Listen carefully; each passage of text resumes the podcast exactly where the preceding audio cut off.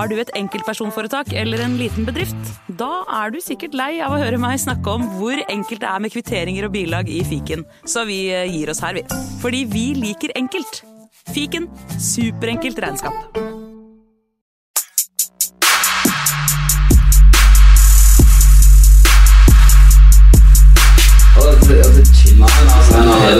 Hysj. Det er faktisk sånn at det kanskje er noen som har lastet ned der. sånn oppfatter det. Altså. Nei, nå må vi bli ferdig. La meg bare få spilt inn her, da. Velkommen til fotballuka!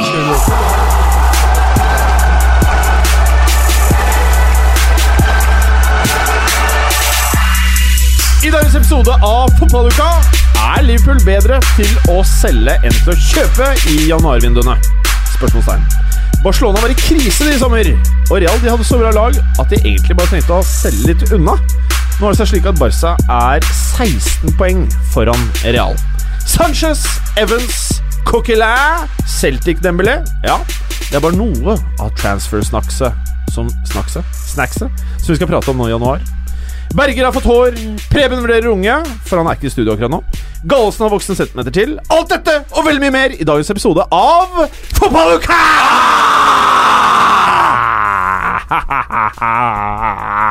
Veldig bra, Gallosen. Ja, jeg bidrar der jeg kan. Ja, Det er jo ikke så mye annet du kan. Men eh, si meg nå, eh, Gallosen. Du og han andre der, dere spilte jo inn noe fælt i studio tidligere i dag. Noe fryktelig. Denne såkalte andre podkasten, som ikke skal nevnes ved navn. Ja. Eh, og hva er det som egentlig har skjedd med Preben? Er det noen som vet hva som har skjedd med Preben? Er det barn? Er det ba eksisterende barn? Nye barn? Ja, Det er nye barn. Det er, det er, en dame han eh, ikke visste at var gravid, som var høygravid, han måtte være med på fødselen. Det er Og hun visste ikke at han hadde pod i dag, Nei. Nei. og da måtte han heller være med på fødsel. Så dere lyttere som egentlig vil ha mer Prebster i studio, ta også husk på dette her at eh, det er det at han er såpass eh, Jason Statham-ish. Det er jo det som gjør det. Ja, altså Send mye hate til kona hans, som ikke er å holde styr på kuken hans, sånn at den der spunke flyr left, right og center og skaper barn overalt. Nå er vi i gang, ass. Ja. Nå er det nyttår. du merker at når Preben ikke er i studio, så Berger mister jo. Ja, og ikke minst så har han jo sittet i en uh, annen podkast som delvis handler om øl, i, oh, ja. i en time og et kvarter i dag. beruset? Eh, altså Jeg har varma opp en time i uh, denne eminente podkasten ledet av uh, Gallosen, som heter eh, Pyro og Pivo. Er det en norsk podkast, eller? eh, ok, videre. Gallosen, Ja. hvordan har du hatt det siden sist? Uh, ja, sist var vel for en uke siden. Jeg har hatt det ganske bra. Ukene går fort, Gallosen. De gjør det, altså. Dagene går spesielt fort. Ja, Uke, ukene ca. en sjudel så fort som dagene, men Du eh, syns uka går raskere enn dagen, som regel? Nei, men jeg syns tida generelt går fort, da. Og tida går fort Ja, generelt. sant? Generelt. Og jeg har vel egentlig ikke gjort noe av interesse den siste uka. Nei. Det har vært mye cup også i Cup og vinterpause i ligaene jeg er mest interessert i. Og da har det heller ikke blitt så mye fotball. Hvilke ligaer er du sikter til sånn rent spesifikt? Deutschland eh, spesielt, selvfølgelig. Det er tyske, eller? Er Ja, det det du mener? det- Eh, Andres bonde, andre Bundesliga spesielt, da. Spesielt Union- andre, men Union første, Berlin. første også har sine skjermtrekk. Ja. Ja. Eh, og så har det jo vært cup i Frankrike, cup i England. Eh, det har vært litt Serie A, da. Hva heldigvis. syns du om cuper, Gallosen? Jeg er jo generelt egentlig glad i cuper, men jeg klarer ikke helt å motivere meg for å se de store klubba mot uh, lag jeg ikke har hørt om. Da spilte eksempel, I går så var jeg så sultefòra på fotball at jeg vurderte å se Atletico Madrid hjemme mot Geida. eh, som selvfølgelig var avgjort før et spark på ballen. var Det var til og med kamp nummer to, og Atletico var hjemme. Det, det fantes ikke fnugg av Men du så det? Jeg gjorde faktisk ikke det, men, eh, men jeg hadde såpass lyst til å se fotball at jeg tenkte kanskje. Men Så du ikke Bristol City, sånt? Eller City Bristol? Nei, for den var like avgjort, følte jeg. Selv om uh, den kunne jeg jo i ettertid kanskje hatt godt av å se. Ja. Ja, bare det jeg syns har vært en liten digresjon. Um, og skal du digresjonere? digresjonere litt. Anne. Altså, det har jo faktisk vært noe, noen eh, nesten-sjokk i, um, i engelsk uh, cupsammenheng Mm. knyttet til de små lagene. Så liksom Jeg syns det er litt spennende. Jeg hører at uh, du har drukket alkohol. Ja, ja, ja jeg, har vært i, jeg har vært i, jeg har vært i Nei, snø, Betydelig. Nei, Jo, jo, jo. Du snøver. Ja, du Kødder du? Og eh, jeg trodde det var um, Du avbryter jo alltid, så det er ikke noe mer enn vanlig Nei, så det, så langt. det er normalt. Ja, det er normalt. Ja, ja. Men du snøvler. Jeg trodde at jeg var en bedre orator enn noensinne, jeg, vel. Uh, Det er det man tror når man har drukket litt.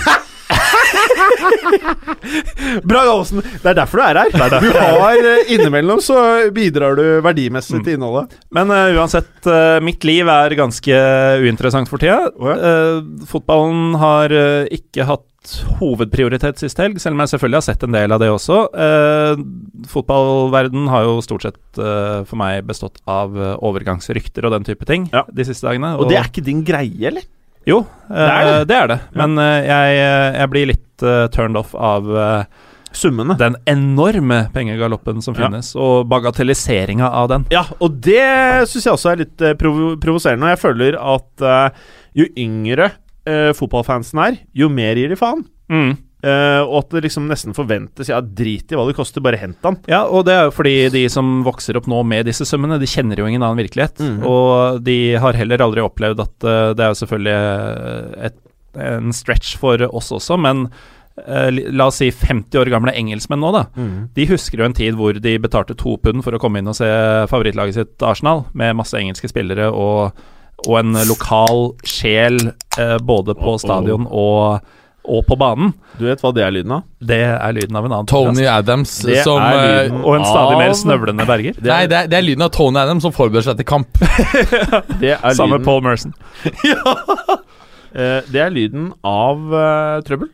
Eller, eller Bergolini, som også heter. Ja, men bare Men, men uh, bare for Ja, å runde av dette, da. Det som provoserer meg med disse overgangssummene, og at det liksom er bare blitt en del av greia, er at de som til syvende og sist betaler, selv om det er lett å si at jo, det er Emiratene, det er Qatar, det er sponsoren, det er uh, TV-avtalen som betaler, så er det supporterne som blir uh, på sett og vis skadelidende av det. Fordi disse folka har jo ikke råd til å gå på kamp for å se laget sitt lenger. Mm. Eh, og det er jo ene og alene fordi overgangssummene og lønningene har blitt så hinsides at billettprisen har blitt det samme. Neymar var skadelidende. Han eh, ble jo kjøpt inn, og så fikk han ikke lov til å ta straffer med en gang. Ja, Stakkars fyr. Ja, det, han er jo li det er, Det er En av de som virkelig lider innen fotball, er jo Neymar. Nå snøvla du litt mindre igjen, så kanskje Nei, det hjalp med men- påfyll. Ja, eh, det var akkurat det. Jeg åpnet en ny, så skjerpet jeg meg bare. Mm, endelig har jeg en hel til å drikke. Ja, veldig bra. Veldig bra. jeg bare skyter en liten ting i forhold til eh, det Gallesen nevner, og det er jo nettopp det at det er veldig interessant og ganske ironisk hvordan eh, USA og det amerikanske sportssystemet er ekstremt sosialistisk eh, anlagt. Eh, mens Lyttere, nå ga Berger klarsignal til at Galåsen skal være med på dette kalaset her. Uh, Ja, det er ikke første øl han drikker i dag. Å nei, fy fla... Hva slags gjeng er dette? Når Preben ikke er her jeg, Nei, jeg, Vet du hva, jeg syns det er ubehagelig her. Nei, men altså det, Og så er du omringa av oss! det, det, det jeg eh, prøvde å, uttrykke, det var at det, det er ikke helt umulig at det er riktig å begynne å regulere en del elementer i fotball. Det sa jeg også i forrige podkast. altså ikke i forrige fotballuka, men Jeg tror jeg forrige har sagt det i fire år i den podkasten her. Jo, men det er noe, det er noe med Selv det før den var på iTunes.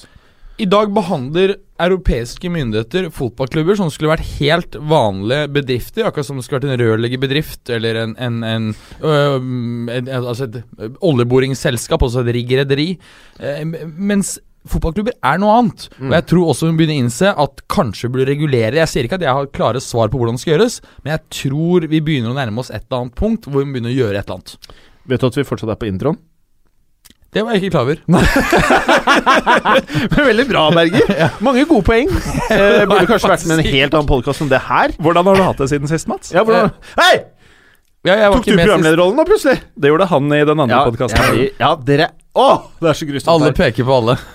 Ja, du Ingen kan- veit hvem som sa Ja, jeg, har hatt det veldig bra. Jeg, Ja. jeg var jo ikke med sist. Uh, Nei, og det var egentlig litt behagelig. Takk. Nei, nei, jeg bare tuller. Det var litt ubehagelig. Var du, var du ikke det? Jo, var det ikke de to ukene før jo du var jo her. Er du så Jo, Nei. jo, du var med, for jeg Jo. husker at du tok fullstendig over etter å Ja, det Du var ikke overkompenserte for de to du ikke var med på. Det var, det var den før der jeg ikke var der. Det var første! Ja, Ja, stemmer ikke. nettopp. Så da kan jeg roe meg nå, for da Ja. husker jeg at når jeg overkompenserte sist, jeg kan jeg roe meg nå. Karer, bare ikke jekk noe mer, for dette kan bli episode 100 all over again. Ja, det er heldigvis ikke mer igjen. vi har ikke sprit, og det er siste. Greit. Og Jeg så- har en Barbara Dalba i eh, Kødder du? Eh, eh, eh, nå må jeg ta Ja, det kontroll her. det Nå var må jeg ta kontroll her. Eh, vi må bare rett på innholdet her, faktisk, merker jeg. Eh, Alba er for øvrig verdens uh, trøffelhovedstad og et av de nydeligste stedene jeg har vært. Eh, ja, vi skal starte en sånn trøffelpod eh, etterpå, faktisk, så det kan vi få til. 100 episoder. Som den eneste edru. Jeg var faktisk eh, Det kan jeg kanskje fortelle. Jeg var jo på Deichmanske bibliotek, så satt jeg og hørte på debatten mellom hvor uh, Frode Lia uh, var uh, konferansier. Han hadde besøk av eh, Drillo, Lise Klaveness og Kasper Wikestad. Så de prata da om herrelandslaget til eh, Norge. Det er ikke så mye vi prater om i denne podkasten her vanligvis. Men eh, det var en veldig fin debatt. Hvorfor informerte du ikke meg om dette, Jim? det er, har du hørt om Hva heter det en eh, Facebook? Ja, jeg, har, eh, har den greia der. Ja. Ja. Og av og til der så kommer det i feeden, da. Så kommer det sånn arrangement, Deichman Og det har vært ute i tre måneder, vet du. Mm. Det hender også det lander en invitasjon i, uh, Ja. i notificationene dine. Ja, Ja, altså, så veldig veldig ofte da på de tre månedene så pleier man liksom bare Hvis man er keen på å stikke, Ja, så bare jeg, men jeg, jeg, jeg får bare opp sånne Minerva Civita-arrangementer som jeg alltid melder meg på, men aldri går på. Så Ja. det er antagelig derfor. Veldig bra. Eh, men i hvert fall, i eh, dette transfer-vitneret så langt eh, Forrige uke så drev vi og prata så vidt det var om han derre fæle, fæle Han derre Cotinhos. Ja. Eh, og dette er laget i England, Liverpool. De Ok, ok, ok. Bare, bare, vent, vent, vent, vent, nå. Jeg kommer til deg, og så sier jeg Jeg kan få Coutinho, og så får du van Dijk og noe annet. Hva gjør du? Beholder Coutinho. Og så, og så kjøper du heller Khalido Koulibaly for samme pris, Ja, som er tre ganger så god. Helt riktig. Og han får du for den summen! Men til Liverpools forsvar så føles det ikke som de hadde så mye valg, eller hva, Gallosen?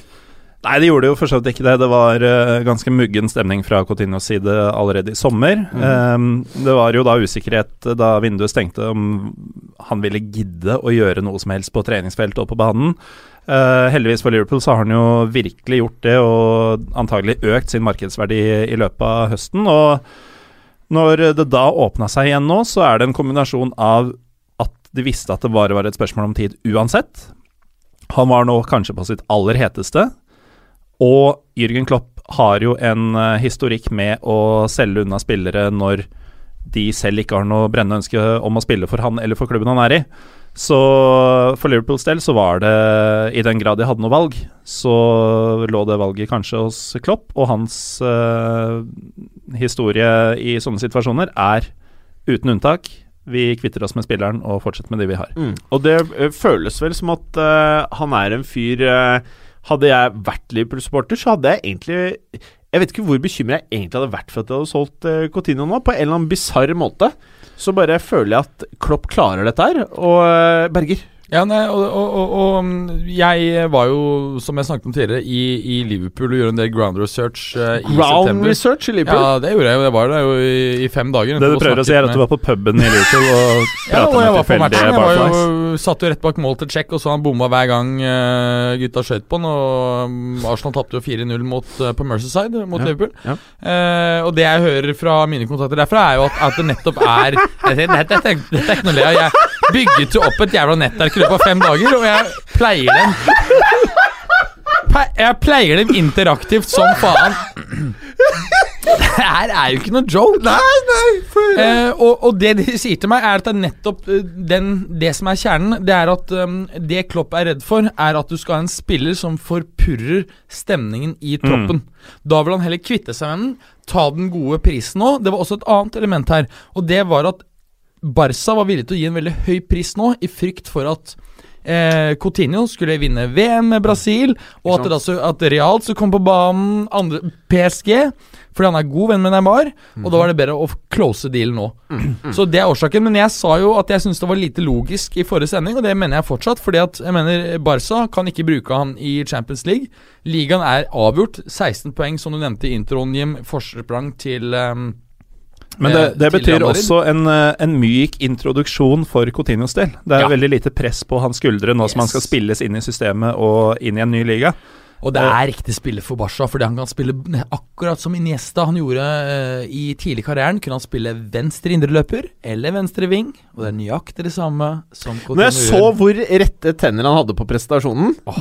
uh, av spilleren, så tenkte jeg ja, det er ikke helt Barca å kjøpe eh, liksom ferdigregulerte tenner. Er som du? min, min gode venn Du pleier å være liksom nedrøyka Mathieu og liksom Vi er der. Ja, nei, Det er som min gode venn som ikke jeg skal nevne navnet på fra Fjellhamar, som har kjøpt fasetter, akkurat som Ja. Donald Trump og Coutinho. Ja. Det er, er, er det fasetter? Det er fasetter. Da sliper du ned tennene foran, så setter du på ting for, eh, foran. Okay. Er det porselen, liksom? Ja, det tror jeg. Så du slipper Du trenger ikke å pusse dem. Det er bare gi faen. Nei, du trenger ikke å bleke dem, fordi jeg er permanent bleker Ja, fordi du bleker jo litt tenner og det jeg har vært andre. veldig sløv uh, siste årene. Altså, Jeg kan se det. Ja. Uh, hva, hva er dommen her? Uh, er dette her win-win for alle, eller er det litt lus for uh, Liverpool? Jeg tenker jo at uh, selvfølgelig er det litt lus for Liverpool, men som sagt, alle suksessrike klopplag har basert seg på en gjeng som gir alt for hverandre og for manageren. Uh, Coutinho var åpenbart ikke der i hodet. Han uh, har vært i Barcelona lenge, men har vært profesjonell nok så langt. Men uh, nå var det presset såpass kraftig at det ikke var noe vits i å satse på at det holder fram til sommeren. Og så er det jo sånn at det er, det er jo ikke mer enn et drøyt år siden vi satt og tenkte at de gangene Coutinho er ute, så sliter Liverpool mot hvem det måtte være. Da, da kan de unngå å skåre hjemme mot West Brom. Fordi, fordi de mangler denne boksåpnergreia. Nå har de jo, eh, selv uten Coutinho, har de en trio der framme som alle tre, eh, hver for seg, kan åpne ethvert forsvar. Eh, og har én av dem ikke dagen, så har de to andre det, Mm. osv. Så, videre. så de er, de er mye mindre sårbare på den måten eh, nå. Og det så og vi jo nå med en, med en eh, Mané som ikke har spilt på en stund, og som kom inn der og bare hadde det målet. Jeg husker ikke hvilken kamp det var. men, men han tror jeg er ganske happy for at Coutinho eh, stikker, for han, han har vært den skadelidende her. Ja, over at ja. Salah har blitt eh, meteorisk eh, hit i Ja. England. Mm. Men jeg tror at Ja, det er helt riktig. Og det er interess veldig interessant. Så han det er, sitter nok sikkert og bare Go Barca Men, men ja. hvis du ser her Mané så ser vi at de bytter ut uh, Coutinho, som, som på en måte var en konkurrent til han. Så får de Nabi Keita, som jeg tror passer helt Ja. perfekt sammen Ja. Men, men jeg har sett for lite av han derre Keita til å Jeg er bare så positiv basert på det du sier, og alt jeg leser. Jeg, helt seriøst, jeg kunne ikke Ok, la meg si sånn. Ja. Noen ganger så tror du han er Roberto Baggio, andre ganger så tror du at han er eh, en Golo Canté. Og dette er samme spiller, Ganske samme individ. Ganske komplett bakke. Ja. Så han har en diagnose. Ja, diagnosen heter syk fotballspiller. som bare er 22. Og la, la meg si sånn Det kjøpet som virker litt sånn dyrt Jeg husker ikke hva det var i fjor. det er billig nå! Du, kunne- du kunne flippa han over nå til Real for Ja, ja, ja. jeg tror over det dobbelte. Ja, det kunne du ikke, for han har hatt en uh, merkbart svakere sesong eh, så langt enn Ja. han hadde i fjor. Men Det er fordi han vet han skal bort, og han, hodet hans er et annet sted. Ikke fordi spillerne blir dårligere. Det kan godt være, men han har uansett ikke økt sin markedsverdi. Markedet har kanskje økt hans verdi, Helt riktig. men, Ja. eh, Men det, hvordan er det med kort? Er det et uromoment med denne spilleren? det er det. Eh, og det han har fått eh, Nå har jeg ikke tallene foran meg, men han har fått opptil flere røde. Han er en spiller som uh, som kan miste huet lett. Er det Eh, en fæling, eller? Han er en liten fæling, Mm. og man kan jo, for å forenkle det litt, så i stedet for å si at han er både Roberto Baggio og Ngolo Kanté, så kan man si at han er både Dino og Roberto. Ja, ja, da har du det faktisk jævlig godt. Han er en slugger og en uh, offensiv kraft i en og samme pakning, og eh, Så det, Det- er enhver har- eh, klubbs drøm, da. ja. eh, og i hvert fall hvis han kan få hodet på rett plass, og Det er jo riktig trenere, eller? Ikke Ja. sant? Ja, Kort med masse kos. Ja, og, og Klopp veit hva Mm. han henter. Mm. Uh, det er ingen grunn til å tro at ikke de har blitt godt kjent personlig i, uh, i forkant av at uh, han Hvor signerer. personlig prater vi?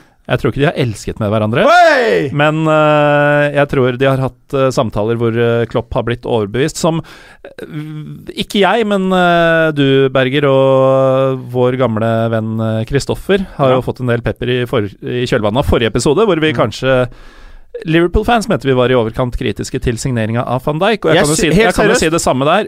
Jeg syns vi var snille. Jeg synes vi var ganske balanserte. Vi var sykt snille! Jo, men Liverpool-fans, vet du. Ja, Ja, men det er ikke det. Og, Men- og det er på tross av at jo, ja, okay. uh, det samme der, da, som vi kanskje ikke understreket uh, nok. Uh, jeg står for alt vi sa, men Klopp har selvfølgelig vært dypt involvert i samtalene med han også i forkant. kanskje allerede fra i sommer, over lengre tid, og vet nøyaktig hva han har å jobbe med. Mm. Og hvis han er overbevist, så, så er det antagelig rett kjøp. Det er, det er helt enig, og det er et veldig godt tegn. Og det er, det er derfor det er litt sånn Litt forenklet når vi sier at hei, kjøp heller Khalidu Kolibali fra Napoli, som åpenbart er en betydelig bedre spiller.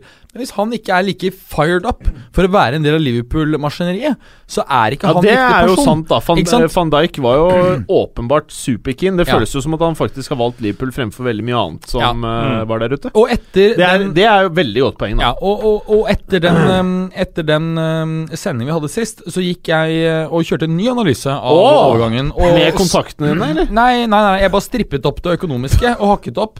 Eh, og blant annet, så Hvis du måtte strippe ut 15 millioner, som er en, en uh, bot til Southampton Ja, pga. sant? tapping up, Nettopp. da er du nede på 60 millioner, som er det samme som City var villig til å gi. Og hvis City er villig til å gi det, eh, det er Guardiola. Han er kanskje en av de beste til å velge eh, Ja, ikke sant? Og så har du det elementet at de trenger en ledertype. En ting jeg imidlertid fortsatt er kritisk til, det er at han Ja, han er greit nok rask, eller ganske rask. Problemet er at Liverpool spiller med en høy backlinje, eh, og det krever stor evne til å posisjonere seg riktig. Det mener jeg er hans akilleshæl. Bra. Eh, Ross Barkley, karer. Eh, Everton til Chelsea. Hva har vi å si om en dette? fantastisk deal for Chelsea. 15 millioner pund. Det er jo en steal i disse dager. Ja, Ja, det er jo en liten sånn bot på van Dijk. ja, ja. Jeg, ja. jeg er litt usikker på nøyaktig hva planen til Chelsea er for han. Men si. Altså, det Jeg- Planen jeg- er at han og Drinkwater skal styre Chelsea til Champions League-gull. Og England til VM-gull. Ja. Nei, men altså, vi eh, Vår hovedinnvending eh, tidlig i sesongen og før sesongen også var jo mot Chelsea, var jo at eh, stallen var tynn. De solgte unna mye, og de kvitta seg med sånn Chaloba, Loftus-Cheek, eh, den type folk, og vi mente jo at det kunne komme tilbake og bite dem i ræva. De kvitta seg med en annen fyr. uh, Matic. Ja, han også. Men uh, vi, eller i hvert fall noen av oss, jeg Ja. blant annet, var kritisk til disse to også, Mhm. fordi det var eh, homegrown, billige spillere å ha som, som kan ta disse Mm. uglamorøse matchene i liga og cup, Mm. eh, og avlaste de andre. Eh, å få inn Barkley der er jo både en mye bedre spiller enn de to nevnte, og da har du erstatta i hvert fall én av de to fysisk, Mm. sånn i form av å ha spillere å sette inn. Og med Barkley så vil du også få en eh, jeg, jeg vil si at det er en ny spillertype på Chelsea-midtbanen, eh, som gjør at de kan eh, eh, alternere litt uh, måten å spille på også. Og så er det jo en spiller som man liksom har følt har et potensial Mm. som vi ikke har sett helt ennå. Ja, ikke sant. Jo, vi har jo sett det, men det begynner å bli en stund siden vi tenkte at dette er det nye store. Han har Og, ikke utviklet seg noen ting, syns jeg. Nei, ikke sant. og for sånne spillere så er jo ofte et uh, miljøskifte akkurat det de trenger. Og det er vel den sjansen Chelsea tar, og det er en veldig liten sjanse å ta for den prisen de har betalt. Ja, og så passer han også litt inn, fordi du ser at Conte har lagt om litt fra en 3-5-2, da, eh, ikke sant, til å heller ha 3-5-1-1. Eller du kan endre varianter der til andre, men at, at istedenfor å ha to oppe, så har du 1-1. Så han passer jo inn i det hullet, og um, han er eh, Stor, sterk. Eh, med rette rettledning så tror jeg han kan ta de neste stegene. Men det er riktig for han å gjøre denne overgangen nå, hvor han fortsatt er 24 og kan ta nye steg. Mm.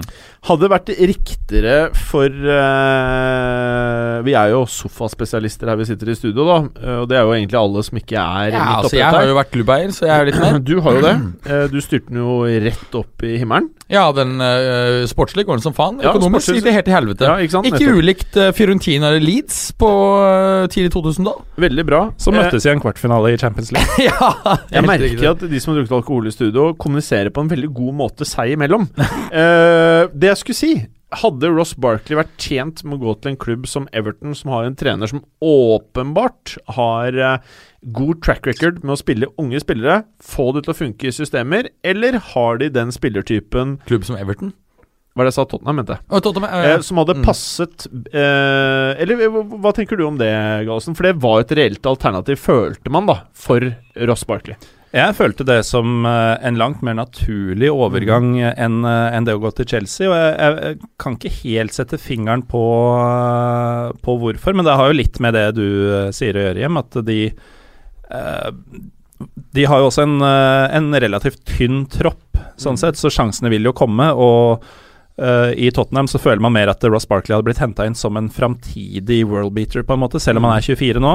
Så, så kunne Tottenham tenkt at uh, når han er 27, så er han en av de dominerende i ligaen. Nettopp. eh, hvis vi uh, bruker synes- den riktig. Og det tror jeg ikke Chelsea gjør. Nei. Men da, da, altså, poenget er at da skal han jo kjempe mot uh, Delalis eh, eh, vesen. Da. Nå har jo ikke han vært så imponerende som jeg hadde forventet han denne sesongen, men likevel. eh, du har ikke den samme naturlige nummer én-spilleren i den rollen, føler jeg, i Chelsea. Dessuten, og det syns jeg er spennende, det er å se om han kan omgjøres kanskje til en ja, tenke mer en indreløpertype. Ja, men mm. Barkley har en allsidig spillestil. Jeg ser en um, First Price-versjon av Paul Scholes i fyren. Uh, en fyr som starta langt, langt opp i banen. Scholes var jo spiss. Ja, ja. Uh, ble langt bedre. Han var uh, Jeg tenker mer sånn, ikke First men jeg tenker sånn fake-produkt. Sånn som du ikke engang får liksom på, i Norgesgruppen og i ja, sånn Syden uh, Ja, sånn- Ikke. First Price, men under det. Ja, liksom sånn En sånn skikkelig sånn fake label som ser ut som Coca-Cola, men så står det liksom et eller annet sånn annet, tror jeg mener. Kakao. da? Et, et, Et eller annet sånt, tenker jeg kanskje. Ja, jo, så sammenligner han og Scholes, da. Men uh, det, er, det er jo samme, samme type sammenligning vi prøver å kjøre her. Vi har bare litt forskjellig uh, nivå av uh, white trash over det. Men uh, det, det, det, dette er en fyr som du fortsatt kan uh, Hvis han hadde vært en skulptur, så kunne du fortsatt slipt litt i endene og, og gjort det til noe annet enn det det kanskje skulle være i utgangspunktet. Uh, og så viser det seg at det er det som er mesterverket. Ja.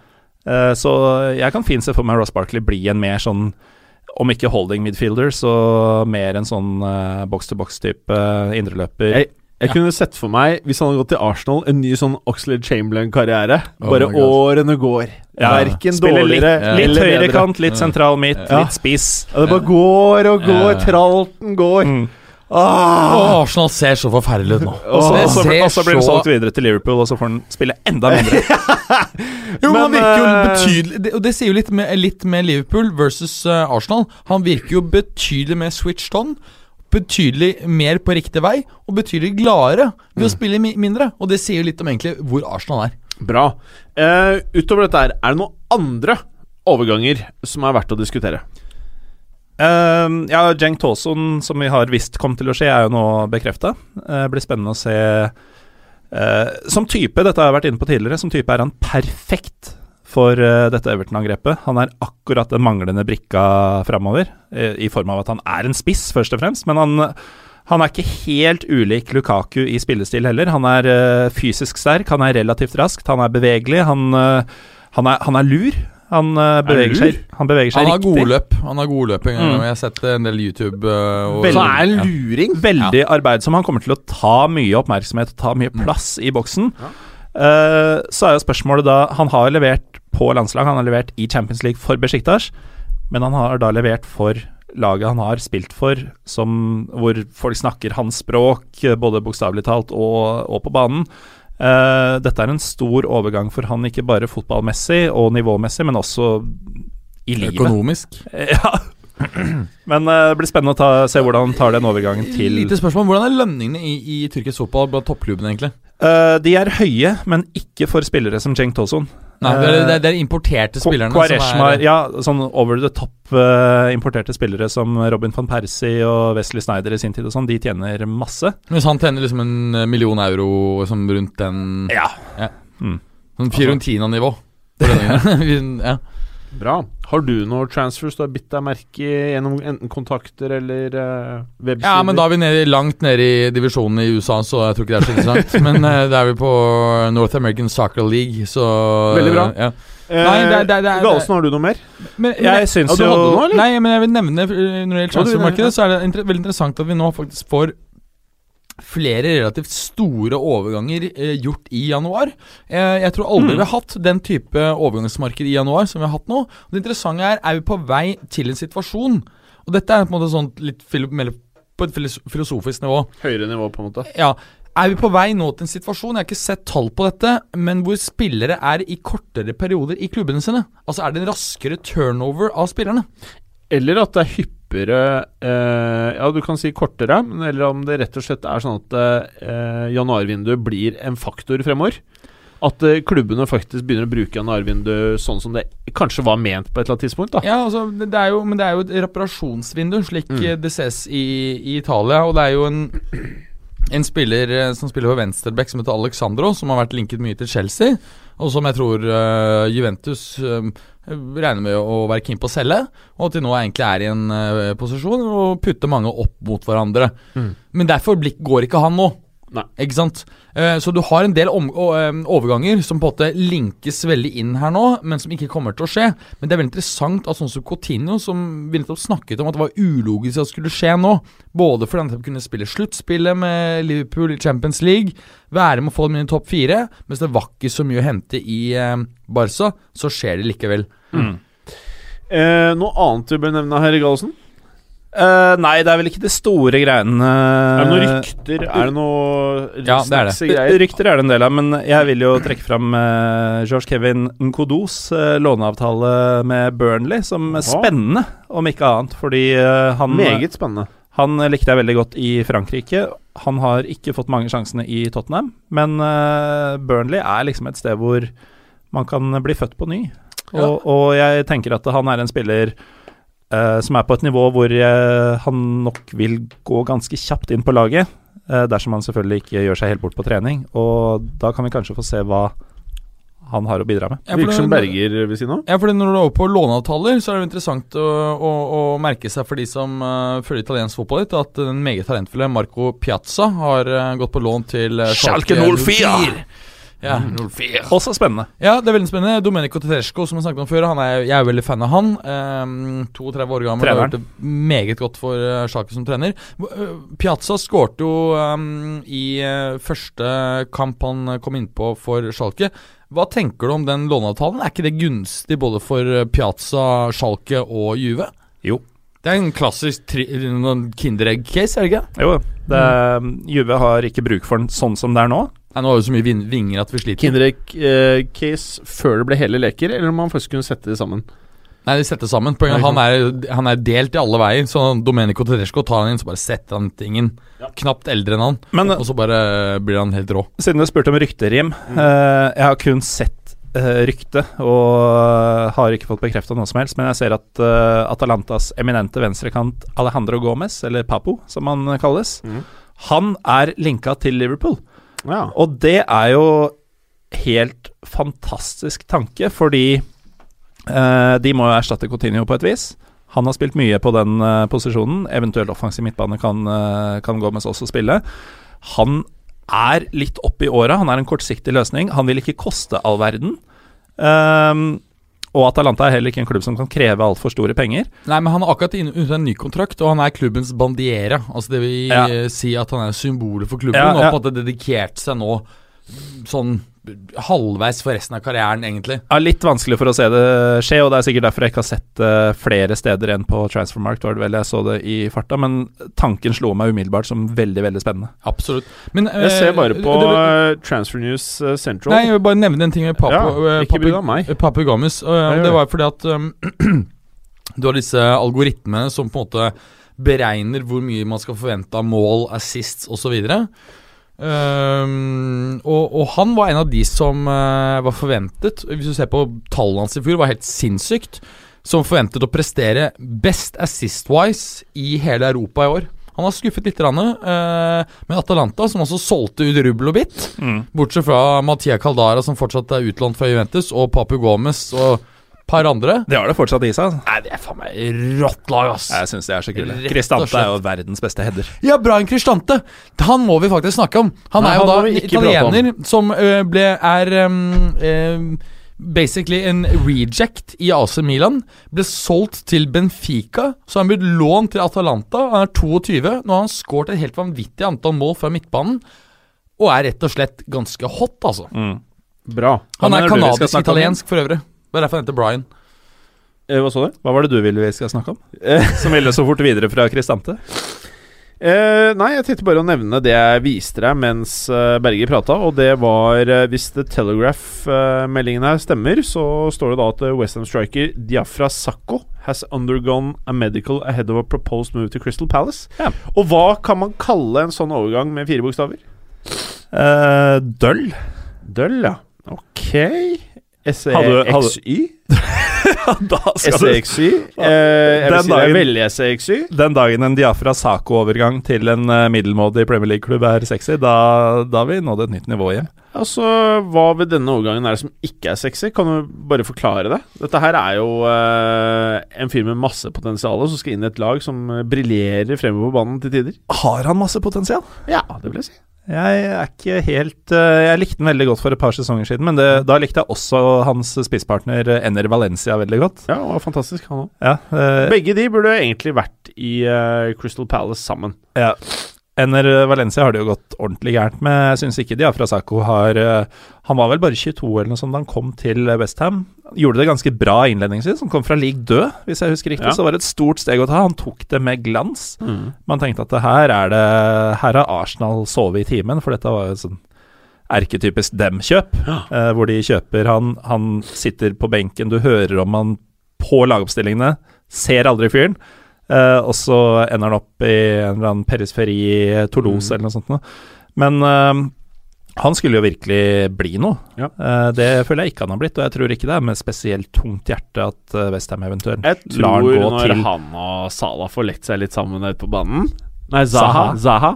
Da kommer det til å skje ting. Jo, men du insinuerer da at han skal ta plassen til Benteke? Eh, insinuerer eh, at man kan spille med to spisser. Jeg eh, tror du de kommer til å gjøre det. To Ja, ganske ja, like spisstyper også. Ja, ja, ja. Det er Ja. Palace, dette her. Det, Jo, det er sant. De, de, Rein 4-4-2, sånn Ja, de er ute etter å 1995-stil. skåre mål, vet du, Gallosen. Det er Ja. ikke noe defensiv fiber her. En annen ting eh, er jo Arda Turan. Ja. Eh, jeg føler jo at eh, Den det- ble jeg litt kvalm av. Ja, ja, vil du ta det? Hvorfor er du kvalm? Jeg kan godt ta den. Det, det, han er vel nå i praksis klar for eh, Det er Abdullah Avje, som ifølge Petter Wæland på Twitter eh, hevder at Jeg henter nå mine tyrkiske fotballnyheter fra Petter Wæland. Det er litt spesielt. Sånn har verden blitt. Uh, hevder at han vel skal gå gjennom medical og presenteres i morgen Ja. i uh, Istanbul Bashakshehir. Ja. Og den, der, den klubben som har kommet opp de siste årene, som jeg ser på tabellen eh, Ja, de, de feirer fire år eh, i år, 2018. Altså fire år i eh, øverste divisjon. I eksistens. Hæ? Ja. Uh, det ble stifta i 2014. Hvordan, hvordan har det eh, kunnet kommet så fort opp i ligasystemet? De tok plassen til uh, den daværende kommunale klubben Istanbul uh, Büyükşehir Belediyespor, som uh, nå ikke finnes lenger. Hvordan Er det lov? Det er lov. Um, Bare du betaler Eidogan? fikk eh, Eh, litt eh, morsom fact eh, om Bashakshir er at de uh, flytta jo fra dette masse, eh, enorme Olympiastadion som Liverpool-fans husker med glede, Milan-fans ikke så mye, uh, hvor de hadde 500 tilskuere da de var uh, Istanbul uh, Büyükşehir. Mm. Eh, de hadde 500 tilskuere og den type ting. De var Den kommunale klubben, ikke sant? Ja. eh, på et 8000 stadion. Mm. De bygde jo sitt eget i en bydel som, de, som heter Bashakshir, som de eh, på en måte har prøvd å bygge en identitet rundt, da. Eh, som heter Fatih Terim stadion. Åh, det, det, det, som- det, det som har skjedd siden den gang, er at Fatih Terim har kommet tilbake i klubbfotballen. Ja. Og som. Galatasaray. Han skal nå uh, lede laget sitt i bortekamper på et stadion oppkalt etter seg selv. Det blir jo tre poeng der, for å si det pent. Men, eh, men Arda er jo Det er jo ikke så lenge siden han gikk til Han var Atleticos talisman, på sett og vis. Gikk til Barcelona fordi han var stjerne. Skulle, skulle gjøre en eh, god figur i Barcelona. De kjøpte den jo ikke uten grunn. De, jo, de hadde jo trua på han. Og så er det, det er jo hva, to år siden han gikk dit. Ja, to og et halvt, eh, tror jeg det er. Eh, uansett hvor dårlig uh, Arda Toran gjør det i Barcelona, så har han ikke blitt så gammel og så dårlig at dette er en god overgang for han. Nei, jeg også syns det er rart. Uh, Preben? Preben? Hei. Halla, er Preben på tråden! Hey! Si hei til lytterne. Hei, god dagen. I dag er jeg på hjemmekontor. Hjemmekontor? Det er det du kaller det? Ja, fordi Berger mistenkte at det var eh, et nytt barn, men eh, Nei, det er ikke det, altså. Det er ikke det. Det kan jeg avkrefte med en eneste gang. Så du er ikke med fødsel? Nå høres veldig ut som fødes, fødestue ut ifra ek ekkoet der. Det kunne vært. du er bare hjemme, altså? Jeg er bare hjemme, rett og slett. Også. Det der er ikke noe hjemmeekko. Det der er institusjonsekko.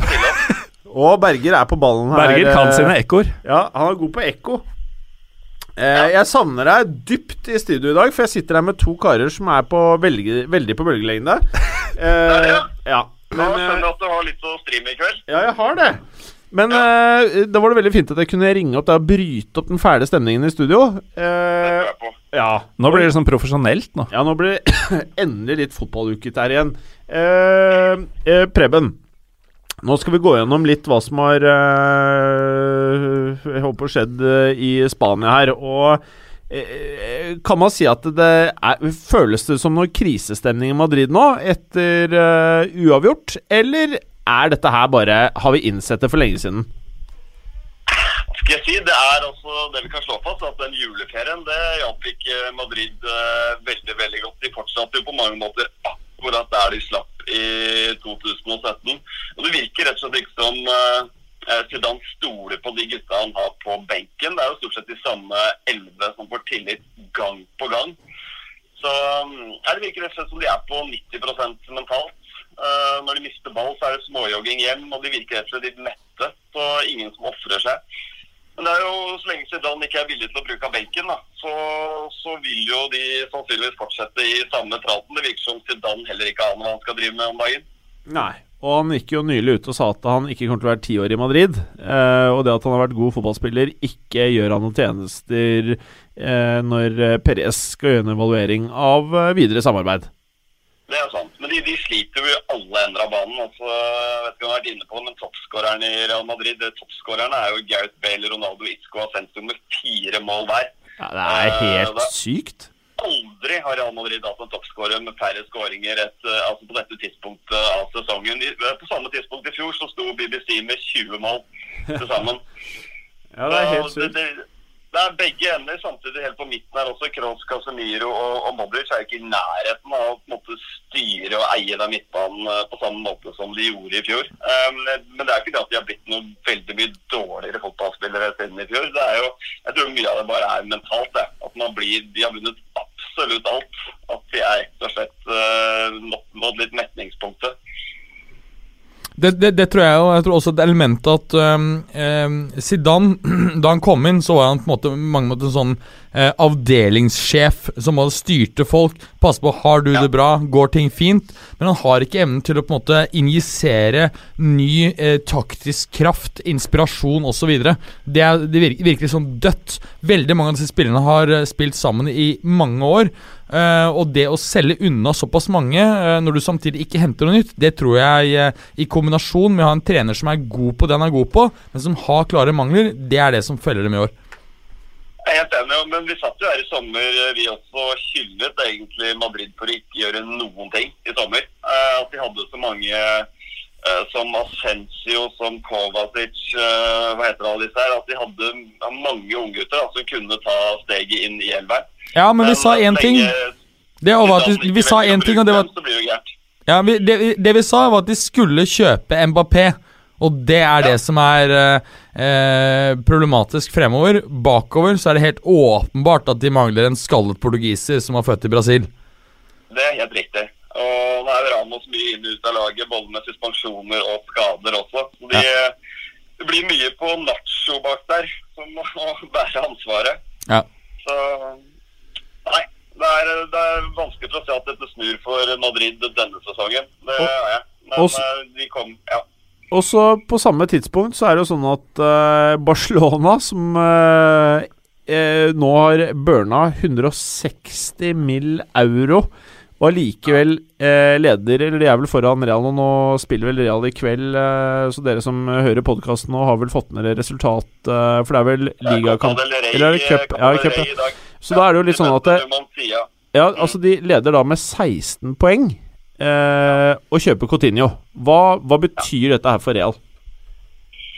For Real Madrid så blir det enda vanskeligere å hente inn Barca. Um, Jeg mener at eh, Coutinho går rett inn og styrker den elveren. Ja. Eh, På kort sikt så mener jeg at han kan lett spille i, sammen med eh, Messi og Suárez i en treer på topp.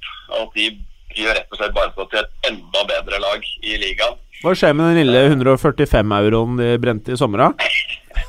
Dembélé har jo folk ikke vist noen verdens ting. Det er litt urettferdig overfor han i og med at han har vært skadet stort sett hele tiden. Men øh, altså Coutinho er jo en mye bedre fotballspiller enn Dembélé øh, akkurat nå. Så vi se hva Dembélé utvikler seg til på sikt. Men det er klart eh, 145, eller hva var det var for eh, Det var rundt der på Coutinho. 160. 120 pluss 40 add-ons er vel eh, summen, og det er euro vi snakker. Og av de add-onsa så er eh, det er, det er ikke noe visk knytta til det. Det er det, like det, er, 10 av dem er enkle, 30 er vanskelige. Ok, så kort sagt 160 ja, og 145. Det er mye penger, men uh, den verden her så Når van Dijk går for 75, så hvorfor skal ikke Coutinho gå for det dobbelte? Ja, 75, det er vel pund, vel? Ja, ja, Så det er 85. Ja. Ja, Det er verre enn antatt! Enda verre, vet du. Vi må være i bitcoin, da. Eh, Ja. Det, det svinger for mye fra dag til dag, så det kan vi ikke Hva, hva tror du skjer oppe i styrerommet til Real nå? Tror du det liksom er sånn eh, De har lagt frem en Colton og skal kjøre russisk revolver der på Zidane, eller er det Eller er dette her liksom De skjønner at eh, ligaen er gone. De er, vet de har en bra stall. De skal kjempe om Champions League, og så er det til sommeren det skjer. Eller tror du det skjer noe i januar? Jeg tror ikke det skjer noe i januar. Eh, mye av grunnen til det er at jeg tror ikke de spillerne de vil ha, de som vil heve Real Madrid, jeg tror ingen av de eh, er mulig å hente nå i eh, januar. Eh, altså Kane-ryktene kommer hele tiden. Det er ikke sjans i havet at han stikker nå. Eden Hazard stikker ikke nå. Um, nei, jeg, jeg tror ikke Real Madrid gjør noen verdens ting. Jeg tror de stoler på det laget de har, at de kommer seg inn i uh, altså Champions League-plass. Det klarer de uten problemer i Spania. Eh, og i Champions League kan du jo nå hele veien. Eh, hva skjer i den andre enden av Madrid, da? Nei, der er, skjer Diego Costa. Eh, Må ikke glemme Vitola, da. å ha Diego Costa tilbake. Altså, debuten hans da, eller redebuten er det man sier, i La Liga Ja. for eh, Atletico. Og vi fikk jo hele pakka Diego Costa med krangling over med alle. Eh, scoring, eh, utvist. Eh, jeg rett og slett fikk hele Diego Costa i én pakke. Men eh, Atletico Madrid så jo Er det ikke litt deilig, det, da? Jeg, helt seriøst, jeg har savna å se mannen i Atletico Madrid, men jeg har bare savna å, å se han på, på banen. Eh, Jeg savna å se han bølle med forsvarere. Ja, ja, vi trenger den. Altså, Atletico Madrid trenger den i hvert fall. Uh, Atletico har vært eh, relativt kjedelig å se på i Øst men nå med Costa så får de en fyr som strekker i motstanderen, som fyrer opp både medspillere og motspillere og, og fans. Han skaper jo enormt med plass for Antoine Griezmann, som plutselig så ut som den spissen vi alle trodde han var. Igjen. Det spissparet der blir ganske hett å følge ut av våren, altså. Ja, ikke sant? Eh, noe annet, da? Hvordan går det med Atletico nå? Hvordan ser det ut? Nei, I den matchen her så så de mye mye bedre ut enn de har gjort uh, på lang tid. Og det er uh, Diego Costa. Um, nei, det er storfavoritt til å vinne Europaligaen. Og jeg tror vi nå i vårparten får se det Atletico Madrid som vi egentlig husker. Ja. Jeg, jeg, jeg, jeg tenkte at hadde de kommet videre fra den gruppen med Chelsea og Roma, så hadde de nå vært en av eh, de virkelige dark horses for å vinne hele driten, altså. Helt enig. Den kombinasjonen av, av Costa som ligger helt der oppe, og en mer bevegelig, mindre spisk, mer kreativ som Antoine Griezmann liggende rett bak, det er bare helt smashing, altså, i munnen min. Eller i hodet mitt, eller hva faen. Jeg vil spise dem. i Europa. Bra. Så kult å følge med på. Hva med hipsterfavoritten vår Valencia, da? Eh, Valencia de, eh, hadde, altså, de måtte komme seg tilbake og vinne sporet nå, men eh, de hadde et par ganske stygge tap eh, på slutten før juleferien her, og slo Girona 2-1 hjemme. Girona er ganske i motstander. De har jo felt bl.a. Real Madrid tidligere i år. Så mm, dette er salte de land eh, 2-1. Fortjent seier, selv uten uh, superspiss uh, Simone Sasa og Carlos Soler, så fikset de det. Um, vet ikke om du har snakket om det tidligere i dag, men Valencia har jo signa en spiller i kveld. Nei, hvem? Hvem? Hvem? Han som var Coquelin fra Arsenal. Han er dritbra! Nå hørtes det ut som vi alle var Arsenal-fans på jubelen. Nei! Valencia-fans? Valencia-fans. Han er kanonbra. Det er bare at Wenger ikke kan håndtere spillere lenger. Er Det er en annen spe- mener annen det kjempespennende Valencia. De har jo kun Kondogbia i den defensive rollen, og han får gult kort hele tiden. Så nei, det kan være greit kjøpt det for Valencia. Vet du hva de ga for han, eller? Sa du det? 12 millioner Euroser? Eh, 12 millioner pund er det jeg har lest uh, i kveld. Men, Ja. Uh, ja. Så du får Mellom, eh, 12 og 15. uh, røftlig seks kokkelære for en van Dijk i 2018. Det er riktig. Ja. Men uh, skal si at Champions League det ser veldig realistisk ut for Valencia. Spesielt nå som Sevilla sliter så big time som de gjør. Ikke minst de gjorde nå i uh, byderbyet mot uh, Betis i helgen. Ja. Betis er ikke noe byderby. Betis er fra Sevilla. Ja, Mm? mot Sevilla. Da er det byderby. Derby. Sevilla mot Real Betis. Oh, ja. Du skjønner at uh, Mats har drukket uh, masse Munkholm i dag, så han er helt svimmel i topplokket. Men det oppgjøret her var faktisk det viktigste og kuleste ja, Sett bortsett fra Diego Costa, da, så var uh, Sevilla-derbyet det desidert kuleste. Det er uh, Og ser man bort fra El Clásico, så er det kanskje det feteste oppgjøret, eller viktigste oppgjøret man må få med seg i La Liga i løpet av sesongen.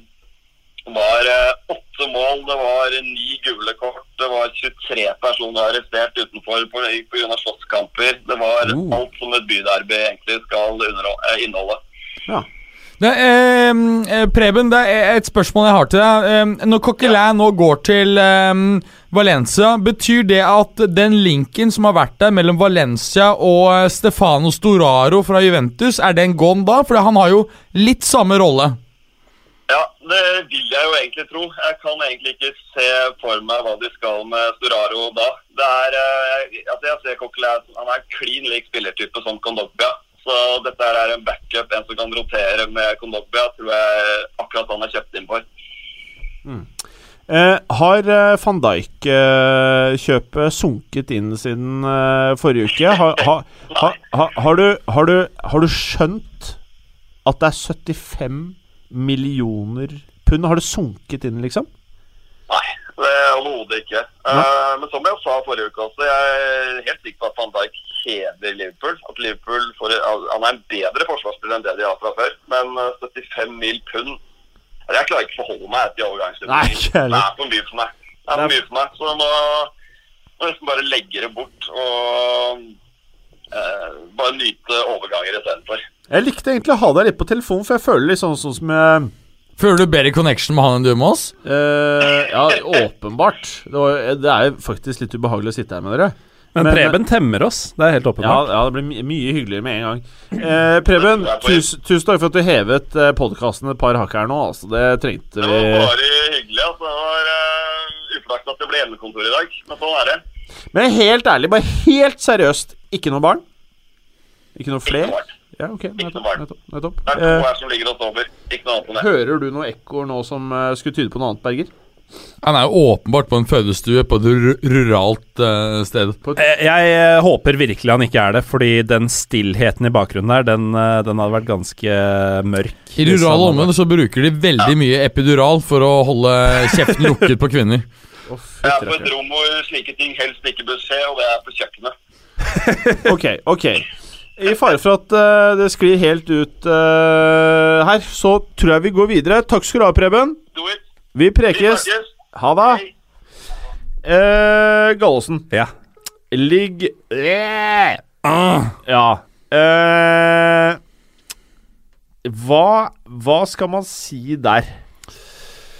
Nei, øh, den er jo endelig i gang igjen etter en liten pause. Er du glad for det? I det er jeg selvfølgelig glad for. Uh, som jeg nevnte innledningsvis, så har det vært mye fravær av uh, ligafotball i de ligaene jeg er mest interessert i. Og nå begynner jo den franske igjen, den tyske begynner igjen. Eh, men for å holde oss til den franske for nå, så er det sånn at helga som kommer, har egentlig ingen sånn enorme oppgjør i seg. Du har et par mulige nuggets i form av Renn Marseille, f.eks. Um, Ja, Det høres ut som en skikkelig nugget.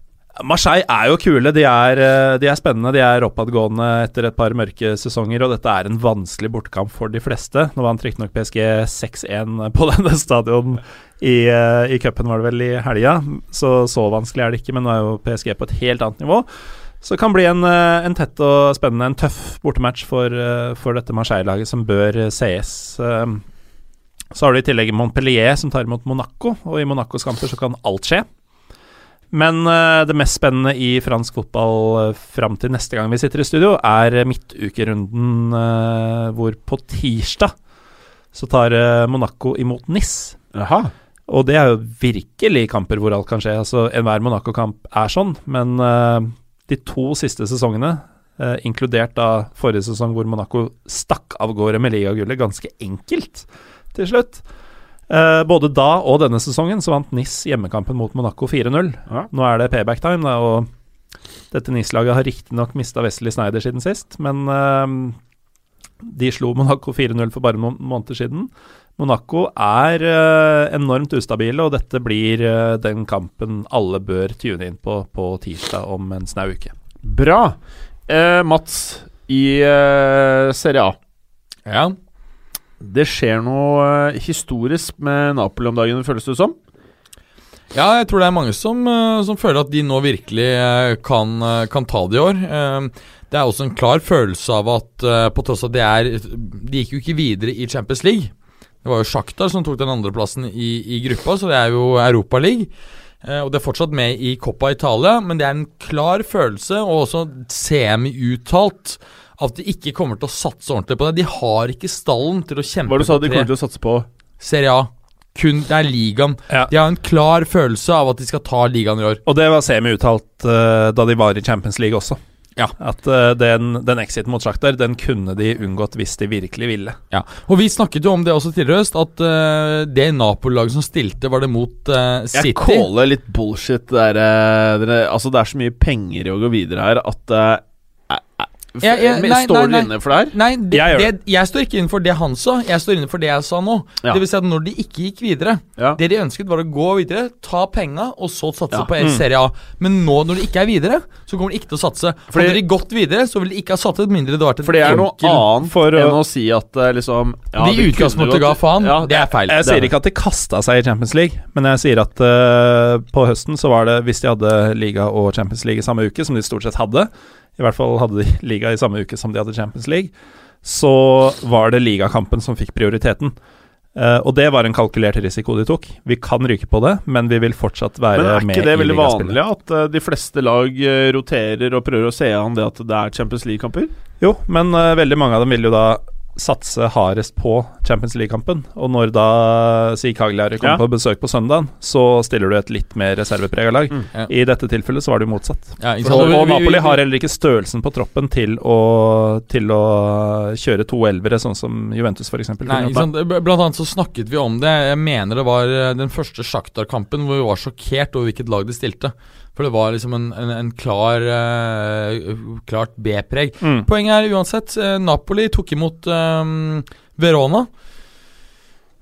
Skal jo være eh, easy-peasy, og, og det er det jo også for så vidt. Selv om de bruker lang tid. Det er eh, K2, eh, som han kalles. Kalidio Kolibali, som først skårer etter 65 minutter. Vår herlige José Maria Callejon som, eh, som legger på til, eh, til 2-0. La på Napoli fortsette den flotte formen sin med femte seier på rad. Dominerer kampen på absolutt alle parametere. Klart fortjent seier. Burde ha skåret langt mer. Bra. Eh, han Kalle det føler jeg er en spiller som absolutt ikke er i nærheten av å få den kreden han fortjener. Mm. Jeg Altså, jeg, jeg, jeg husker jo når han var i Real, jeg syns det var snålt at de solgte han. Han var fantastisk god. Men når du blir Når du ikke er en eh, starter i en klubb som Real Madrid, du blir solgt til en I hvert fall da han, han har vært i Napoli i mange år nå. Ja. Uh, en da uh, veldig mye mindre klubb enn de er nå, uh, og selv i dag så er det jo en veldig mye mindre klubb enn Real Madrid. Eh, så vil han alltid på en måte ha det stempelet som en Real Madrid reject, og da Ikke reject. Det er ikke det er, altså, Jo, jeg er litt Øzil enig med. Real Madrid. Han er jo en reject, men det er ikke helt riktig sett at han er dårlig. Nei, sånn- nei, nei. Nei, nei, Men det er, bare, men- det er sånn det føles, Ja. på en måte. Ali, uansett hvor god han er. Det er jeg helt enig med Galsen. Det er Det- sånn jeg også føler det. Det Selv om jeg vet bedre. Det at Kallion isolert sett er en fantastisk fotballspiller og har levert på skyhøyt nivå i en av verdens beste ligaer for en av Europas beste klubber, må vi jo kunne si, når det blir nummer to og kanskje nummer én i Italia år etter år. Eh, mye, mye bedre spiller enn ryktet hans tilsier. Ja. Og han havner jo fortsatt i skyggen av de to Altså Jeg vil si at han er en nøkkelspiller. Og han har vært en nøkkelspiller for det laget her i mange Mm. år. Men skal du nevne tre nøkkelspillere hos Nå var du eh, veldig aggressiv med fingeren. Dette her, sånn er du ikke vanligvis. Jeg blir helt forskrekket. ja, men Jeg har Berger mot meg der, og han tar ordet hver gang hvis jeg ikke Ja, er litt på. Eh, Og så har du ikke headset i dag. Det er helt grusomt. Du er verre enn vanlig. Ber du hvem som helst om å nevne tre nøkkelspillere offensivt for Napoli, Napoli, så nevner de Mertens, Insigne og Hamsik. De glemmer på en måte Kajon der. Og Kolibali, jeg føler han siste ja, men nå sa jeg offensivt. ja. Oh, ja, offensivt. ja. En gang til. Men- Isinje, Mertens, Hamsik. Ja. Men midtbanen, da. Jorginho og Allan. Jo, men dette er det menig man eh, trekker frem. Da. Man Ja. glemmer Johan litt, Ja. og det tror jeg er mye fordi han har den eh, ballasten Ja. av at han Men- ikke var god nok i en større klubb. Med denne, ikke større, altså verdens største klubb. Det er det jo veldig mange som ikke er. Eh, Kajahan tok for øvrig mm, ny historisk rekord med denne skåringen. Flest skåringer eh, noensinne i Serie A av en spanjol. Jeg mener det var 58. Ok ja. eh, og, og, og, Spanjoler fikk jo etter denne enorme overgangen til Gaisca Mendieta eh, i sin tid. Det er ikke noe å le av, det var en kjempeovergang. Ja, det var Lazio, det. Jeg husker, uten å sånn, kødde År 2000, Lazio Branta 4, altså 45 millioner pund! Altså det var helt sånn inn, Eller 40 millioner pund eller noe sånt. Ja, jeg husker ikke om det var så mye, men det var 400 millioner norske var det på den tiden det var, det, var 400, det, er ikke så viktig. Masse penger. Det var 400 norske, det var nesten like mye som Figo. Ja, ja, det var mye penger. Nei, det var nesten like mye som Figo. Det var den type summer. Det var helt ins Det var sånn Det er en, en av de dummeste overgangene. Nei, det var ikke det. det. var jo ikke så dum. Han var jo verdens beste, følte man, da Ja, man så ja. han i Spania. Og så bare Helt- knakk han, og så gikk han til Middlesbrough. ja, ja. Og da, var det, Ja, da, og var, da- det- da skjønte man ikke Nei, hva som skjedde. sånn Men vi rykte, må nei, og da ble det sånn riktig tall at sp spanjoler kan man ikke, kjøpe, det, kan man ikke kjøpe det tallet, for det fungerer ikke der. Men det har blitt motbevist nå gang på gang, annet med Llorente. Den herlige, kjekke baskeren. ja. Og ikke minst Cajon, men det finnes også mange andre. Bra. Fantastisk spiller. Skal snakke om en annen litt senere. Ja, vi kan jo f.eks. prate om Cagliari Juve. Cagliari heter det. Ikke det. Kalli, du uttaler ikke G-en. Nei, nettopp. Takk skal du ha. Cagliari. Cagliari. Istedenfor at G-en uttales, så er det en L Nei, en J etter L-en. Kagliari Cagliari. Nettopp. nettopp. Eh, Det er ikke I-en som faktisk er der. Cagliari. Cagliari. Det er, det er, en, en, det er en J. Nei, hvis, ja. Jeg kommer allikevel neste uke sikkert til å si Cagliari. ja, det er greit nok. Uh, Juve er jo elendig, som det har vært i hele høst, og det er sjank Men. Er det elendig, eller er det bare under, under nivået sitt? Det er der de skal være. De skal hangle seg videre, og så skal de komme Nå skal nå drar de på to ukers ferie og slapper av. Og så Ja. er de tja, tilbake, og så kommer Tar du- tar Champions League? Jeg, og så kommer Tottenham inn. jeg var den eneste i studio her som sa Juve blant tre favorittene til eh, Champions League. Ja, og du vet, at det der Tottenham-matchen Who cares? ja, men det- Who veit- cares? du veit jo hvordan det der kommer til å gå. Ja, Tottenham ja. kommer slitne inn, er ikke ordentlig form. Ferdig, ferdig. Juve er Ferdig. plutselig i knallform, og du veit hvordan det blir. Jeg snakker med Ja, en italiener som er Roma-fan. Han sa at oh, You know how this is.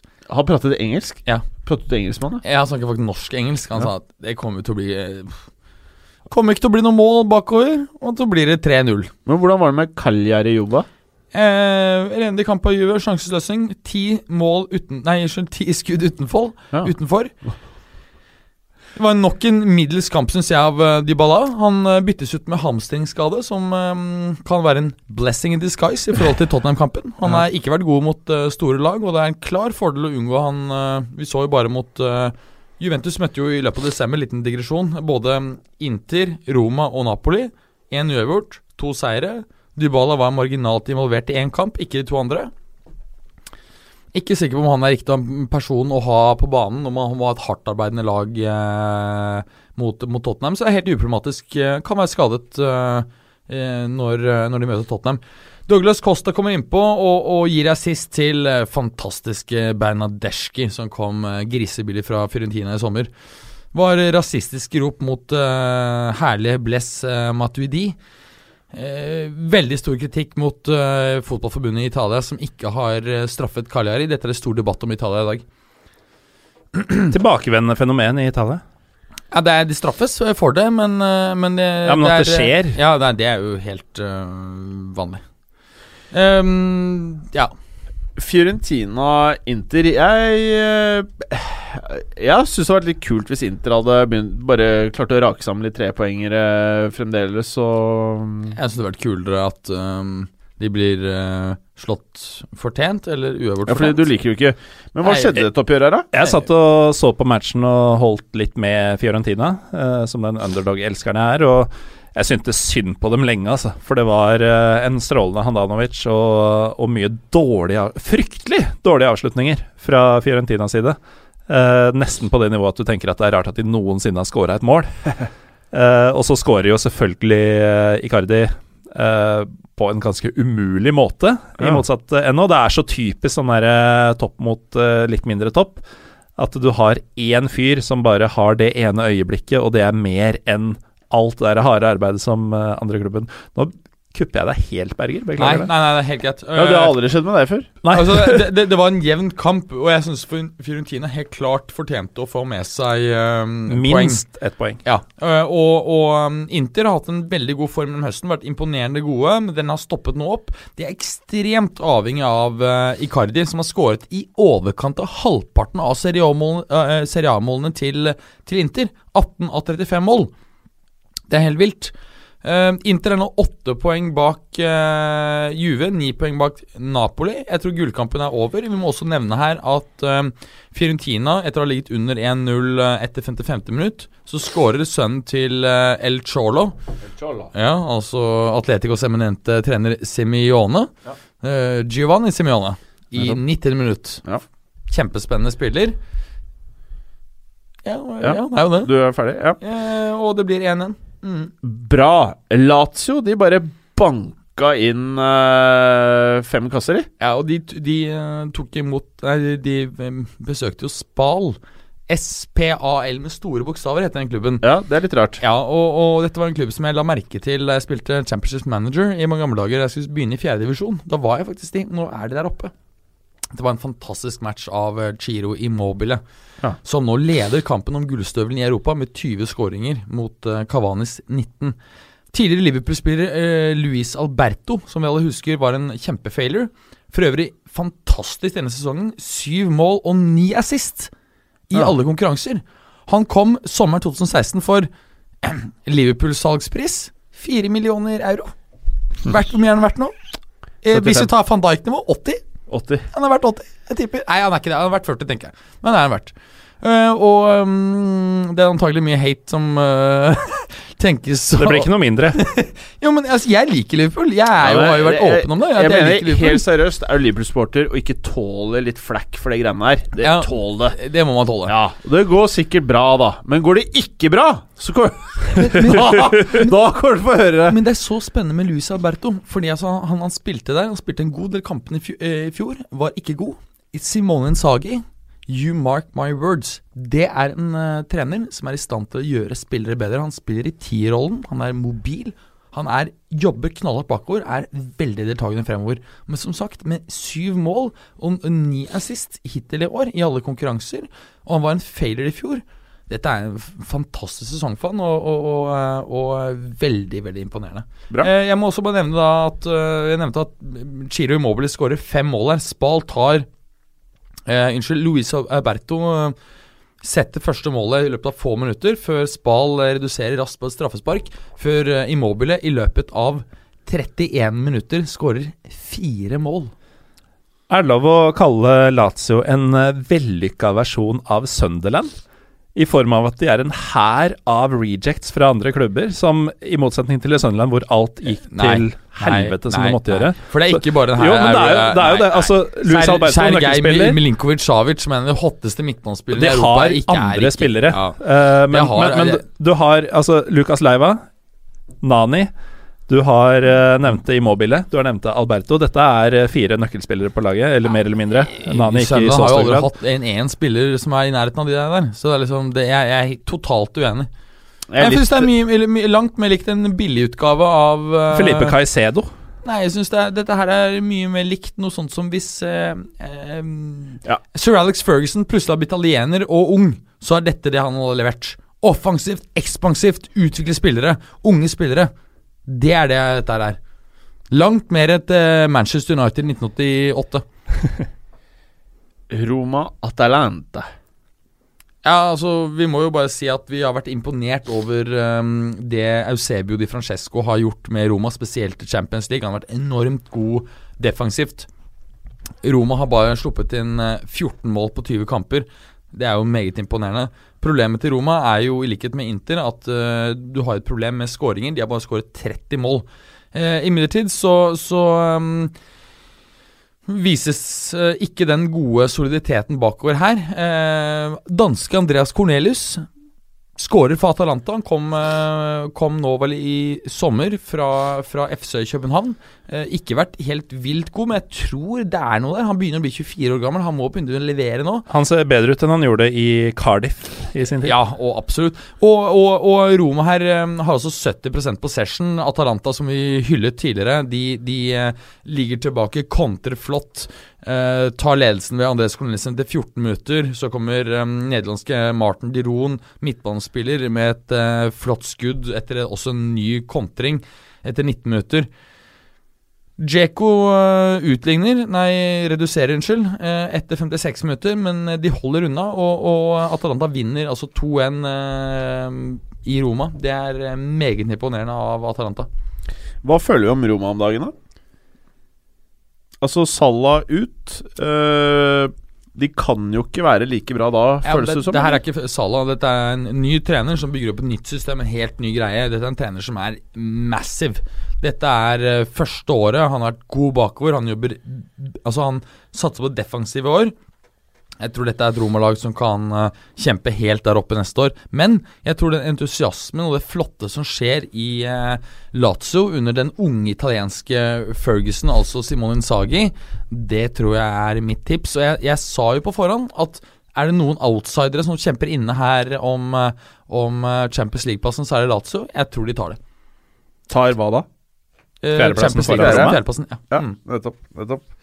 Og så tror jeg Milinkovic Savic kommer til å bli solgt for nærmere 150 millioner eh, euro til sommeren. Ja, det er han jo rykta for allerede nå. Ja. Nei, jeg har ikke hørt over 100, men jeg bare drar på 50 til, for jeg veit hvordan verden er nå. Ja.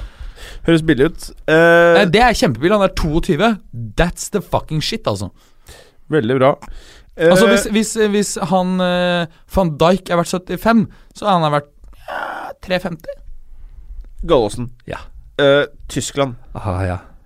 Kannst du sagst uh, noe aus Eller kan du si noe om tyske uh, Noe fra Tyskland? Jo, Something about Deutschland! for ikke så veldig mange år siden så varte jo denne vinterpausen i årevis, føltes det ut som. Da Ja. var det ikke i gang før i Det er jeg veldig enig i Det var sånn det føltes ut som. Ja. Ja. Eh, husker lagene spilte sånn vinterturneringer med five-a-side mot hverandre og sånt. Og det var helt sjukt hvor lang pause de hadde. Det var som en preseason i Norge, som for øvrig foregår på samme tid. Men uh, den er mye kortere enn før, da, så der er de i gang allerede til helga, i hvert fall i første Bundesliga. Uh, som vel de fleste av lytterne er mest interessert i av de to øverste. Uh, og det er en helg som er så juicy og sexy at det nesten er verdt ventetida. Å Det starter allerede fredag kveld med Leverkosen mot Bayern München. Oh, ja. Eh, et Leverkosen som i hvert fall ifølge meg har overprestert eh, denne sesongen og er eh, med i Champions League-kampen. Selvfølgelig ikke gullkampen, den er avgjort. Ja. Følges opp på lørdag med Leipzig mot Schalke, henholdsvis femte mot andreplass, og det skiller vel bare et par poeng mellom de si to til seks, sju. Og det er jo da et eh, Leipzig som er generelt et ungt, spennende lag. Eh, ikke vært like imponerende denne sesongen som forrige, men er fortsatt helt der oppe. Eh, mot et Schalke som etter mange år i en bølgedal nå endelig ser ut til å ha noe på gang igjen. Eh, Tedesco har vi nevnt tidligere, meget spennende trener. Marco Piazza er nå inne eh, på lån fra Juve. Forsterker eh, laget ytterligere. Kan bli en ordentlig godbit. Det er også kveldskampen i Bundesliga, som ofte er fete matcher. Så har du søndag. Det bare fortsetter å røyne på med høres godbiter. faktisk eh, veldig ok ut. Uh, det er, uh, dette er mer tribuneprega, uh, for så vidt, men det er derbyet Köln mot uh, Mönchengladbach. Ja. To Unnskyld, fotballgale byer i umiddelbar nærhet av hverandre geografisk. Klubb, de hater hverandre. Det blir full stadion, som det alltid blir for så vidt når Köln spiller, og voldsom kok. Jeg tenkte jeg skulle bare skyte inn her. Uh, har dere sett The Football Factory? Ja. Har du sett Aldri The, hørt om. Fortell. The Real Football Factory? Prata om det forrige uke. Ja, når Danny Dyer reiser rundt i både England og verden. Ja. Ja. Og så, jeg tror det er i siste episoden, eh, så reiser han da for å se på eh, hooligan-kulturen i Tyskland. Og da hadde han funnet en video på nett hvor Köln-supportere spesielt møtes i skogene for å slåss. Eller skogen for å slåss. Eh, og selv han, da, og da hadde han vært og liksom besøkt de fleste liksom, sånn supporterklubbene i England, og det var mye av dette han syntes var beinhardt. F.eks. han var oppe i eh, Burnley og Millwall og Leeds-området og sånn. Gutta, de supportlederne, møtte opp liksom med kuler rundt øyet og Altså, de så herda ut, da. Nå så de Köln-videoene, sa han bare at det, det er noe av det verste han har sett. At gutta liksom stampa hverandre og hoppet på hodet til hverandre, og så etter 20 minutter så tok de hverandre hånden og stakk hjem. Eh, og da dro han for å besøke dem, og det var jo åpenbart at eh, Jeg har alltid tenkt at den engelske hooligan-kulturen har vært den verste, men, men det fra Tyskland virket nesten like ille. Den engelske er eh, på en måte forbildet til veldig mange andre. Ja. Uh, og eh, da har man jo gjerne tatt inspirasjon fra noe, og så har man tatt det man selv syns er fetest. Og nå er jo ikke jeg designa sånn at jeg syns slåssing er kult, men eh, disse folka er jo det. Og de tar jo da det de syns er råest, og så skal de jo helst gjøre sin egen greie ut av det. og gjør det jo da enda villere. Så i samme serie så drar den jo til Polen. Og der blir han jo i praksis kidnappa. Ja. Uh, de- han blir tatt med nesten blindfolda til et hemmelig sted og møter noen folk i finlandssettet som ikke skal fortelle hvem de er. Uh, som da forteller hva de driver med, og da er det jo blant annet sånn at uh, det er en av dem som sier Den tida engelskmennene bruker på puben, bruker vi på å trene kampsport. Så det er, eh, det er noen voldsomme greier rundt omkring Ja. som eh, Altså, man glamoriserer, holdt jeg på å si, ofte det engelske, eh, fordi de, de på mange måter er originalene til den type kultur, og de er de vi har tettest nærhet til, både språklig og i form av å faktisk kunne bli utsatt for det. Men det fins langt villere ting rundt omkring. Ja, både eh, Øst-Europa og Italia er vel betydelig hardere eh, når det gjelder det der. Mm. Men så føles det ut som at eh, det, det som fremkommer i serien, er jo at CCTV har liksom ta, gjort bukt med hele hooliganismen, uh, føles det ut som, da. Ja. Så gutta får ikke se på kamp, de blir bura inn, det er ikke noen muligheter. Det var liksom det jeg satt igjen med, i hvert fall. Hele innføringa av Premier League med sitteplasser, dyre billetter og no nonsense, på en måte, det, det fikk de jo vekk fra stadion. Um, og så har jo da det parallelt med at strafferammene har blitt langt større. Du kan sitte i ti år for huliganisme nå, eh, har jeg hørt om tilfeller av fra England. Uh, og da CCTV, at du er overvåka nesten uansett hvor du går. Det har tatt veldig mye av uh, momentumet vekk fra den kulturen, og det er jo selvfølgelig positivt. Uh, men de som virkelig vil, de finner måter å gjøre det på, bl.a. ved å møtes i Du må også skogen. for- forklare hva CCTV er. Det står for Closed Circuit Television. Det vil si at det er uh, overvåkningskameraer overalt i det britiske samfunnet. Som. Eh, ja. Bra. Uh, det som er greia, det de også sier, da, det er at eh, ja, det er eh, nesten borte. Eh, men de, alle de gutta, de der Burnley-gutta, uh, de sier jo det at uh, forskjellen nå er jo det at vi slåss 10 mot 10 og 20 mot 20, Mm. og ikke 400-500 mot 400-500. Ja, og dette foregår da ikke sånn ukontrollert på og rundt stadion og sånn, men heller et avtalt møte et sted hvor disse kameraene ikke plukker dem opp, og Ja. som det tar litt tid før politiet får nyss om at det foregår noe. Ute på et jorde eller sånn type ting. Bortsett fra programlederen prøver å være sånn hard, eller Hva- Hva faen er det han Han, han driver med? overspiller så vanvittig. Jeg tror han fortsatt eh, Han tror nok at han fortsatt er i karakteren fra Football Factory. For at det, Av og til så var det sånn Å shit, klarer jeg å se en episode til? For han var så jævlig irriterende. Men det var for spennende å liksom se på disse gærne supportergutta, da. At jeg måtte bare se det. Men han holdt på å ødelegge hele dritten. Men det programmet er jo en av, en av grunnene til at jeg ble så fascinert av Tyrkia i sin tid. Ja? Da han var og så på Fenerbahçe Galatasaray. Å ja? Og også kanskje til at jeg helte mot Fenerbahçe da jeg ikke visste så mye, fordi han uh, besøkte begge to i forkant av et møte mellom de, Ja. uh, dem. Uh, og syns det var ubehagelig blant Galatasaray-fansen. Da han gikk til Fenerbahçe, så fikk han en øl og en rake og et skjerf og en jakke sånn umiddelbart, og ble Så du ville ha det fælt? Nei, men han Nei, jeg gikk jo også til Fenerbahçe. Ja, men var det, du så det motsatte? At Fenerbahçe var det fælt? Nei, det var ubehagelig av hos Galatasaray. Ja, du sa det motsatt. Det tror jeg ikke jeg gjorde. Jo, du gjorde det. Eh, Det kan vi spole tilbake og høre på. Ja, det medfører riktighet, for jeg er den eneste som ikke har drukket her. Men han hadde en mye bedre opplevelse med Fenerbahçe-fansen. Og da jeg dro til Istanbul første gang, så var jeg både på Besiktas-kamp, øh, og jeg var på en pub og så Galatasaray-kamp. Jeg hadde ikke billett til stadion, som var bitte lite på den tida, og jeg dro på en Fenerbahçe-kamp. Ja. Ble tatt klart best imot på Fenerbahçe. Så min uh, første erfaring sto i stil med hans, på en måte. Ja. Jeg har bare opplevd det motsatte. At Galatasaray-fans er alltid så hyggelige. Ja, men det er Besiktas-fansen som er hyggelig. Uh, jeg var med å slåss eh, mot noen uh, Uh, Eh, eh, ja, De jeg liker best, er Trabzon-fansen, for de skyter jo på spillebussene til uh, Fenerbahçe.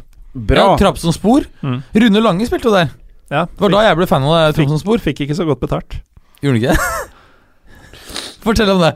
Fortell om det. La oss ta det i den andre podkasten. Uh, jeg bare håper uh, Altså, nå, nå spør Nå lurer alle uh, Ja. lytterne våre på Fortell om det. Nei, men dette, er jo, dette var masse saker om i eh, avisene. At eh, Mye av grunnen til at han dro hjem, var jo at det var vanskelig å få den betalinga han var lovet. Han fikk ikke utbetalt lønnen sin. Ikke alt, i hvert fall. Bra. Eh, I Tyskland Hmm. det, det, Føles det som det er rift om eh, CL-plassene, eller er det Er det ikke så spennende? CL-plassene er det rift om, i Ja. aller høyeste grad. Det er som jeg nevnte så vidt i stad, uh, tett mellom uh, topplagene. Det er den av de topp fem-ligaene som er, er jevnest, sånn sett. Det er utenom Bayern, som har løpt av gårde, de er elleve poeng foran nummer to. Ja.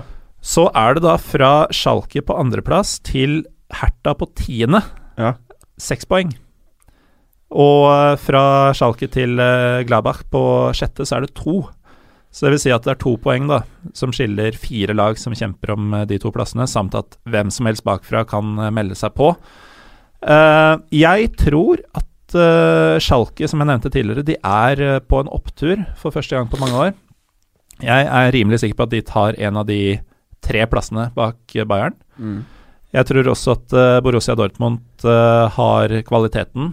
eh, og nå som de har fått inn Peter Støger, så er det litt mer balansert og eh, Balansert måte å spille på og mer defensiv struktur, som gjør at de eh, ganske enkelt, tror jeg, også holder seg i det sjiktet. Eh, så er det jo da Leverkosen har også en langt bedre sesong enn forventa, men de er nok for tynne og veldig avhengige av enkeltspillere. Eh, jeg tror nok det er uh, Schalke, Dortmund og Leipzig som joiner Bayern München i Champions League neste år. Eh, Leipzig og Mönchengladbach. Hva med dem? Og Schalke 04 er de som joiner uh... Nei, Dortmund, ikke Mönchengladbach, men uh, ellers. ellers. ja. Mm. Veldig bra. er det noe siste Siste Jeg har også alltid hatt en greie for uh, Mönchengladbach. Så det var Jeg liker dem antagelig- sjøl, altså. Jeg har alltid, alltid hatt sansen for det. Og så liker jeg han uh, Torgan. Mm. Azar. Eh, jeg syns det er helt psycho når noen sier at han er sånn reject. Eh, altså han, han har vist veldig gode takter nå i to år, og jeg syns han er en fantastisk flott spiller. Enig. Helt ok. Jeg liker han faktisk bedre enn uh, store, storebroren. Veldig bra. Eh, hva Hvis vi skal bare runde av transfer-delen, som vi starta med tidligere her, tror vi det kommer til, før vinduet stenger, til å være noen skikkelige nuggets, bortsett fra Coutinho? Nei, altså, jeg, jeg, jeg tror muligens at um, Real gjør en deal på Kepa, um, keeperen til uh, Athletic Bilbao, men jeg er usikker på om den gjennomføres før uh, sommeren. Ja. Det er ikke en sånn uh, Altså keeperkatastrofe i Real Madrid. Vi så sist nå mot uh, Jeg husker ikke hvem det var engang, eh, hvor uh, Keylor Navas reddet en flott straffe. Det var ikke hans skyld at det ble 2-2.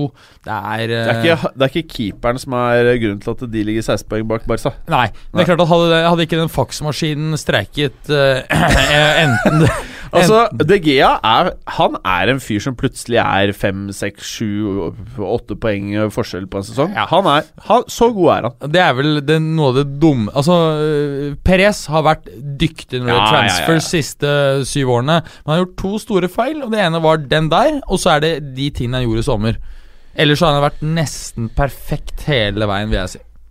Du uh, Gallosen, er det noe du ser for deg som kan skje, eller Det er bare et par uker siden vi eh, spådde et rolig overgangsvindu, fordi det er liksom det som er greia i januar. Uh, I likhet med alle de gamle Premier League-previewene, så er vi åpenbart ingen spåmenn. Jo. Eh, hvert Dette her kunne man ikke spådd. Ja. Det kunne man Nei, ikke man kunne ikke det. Så jeg tror de største summene, de har vi allerede sett. Ja. Men at det kan bli en del uh, overraskelser i form av mer eller mindre store navn som går til og fra store klubber, Eh, det har jeg fått fornya tro på, eh, og det tror jeg vi får se litt mer av før eh, måneden er omme. Ok. En, en annen ting jeg må, må nevne, da, det er um, Preben nevnte at han ikke hadde tro på at uh, Real Madrid kom til å bedre seg. Dette var en sesong som kommer til å gå i driteren. Jeg er ikke så sikker på at ikke de kommer til å bedre seg. Jeg tror at når de møter uh, PSG til uh, første utslagsrunde i Champions League, så kommer vi til å se et helt annet Real Madrid. Plutselig så er ikke Ramos ute og spiser pølser uh, når det er angrep mot. Plutselig så uh, treffer Casemiro med alle taklinger, og de bare går dang! Så de bare sitter i knærne uten at dommeren gjør noe.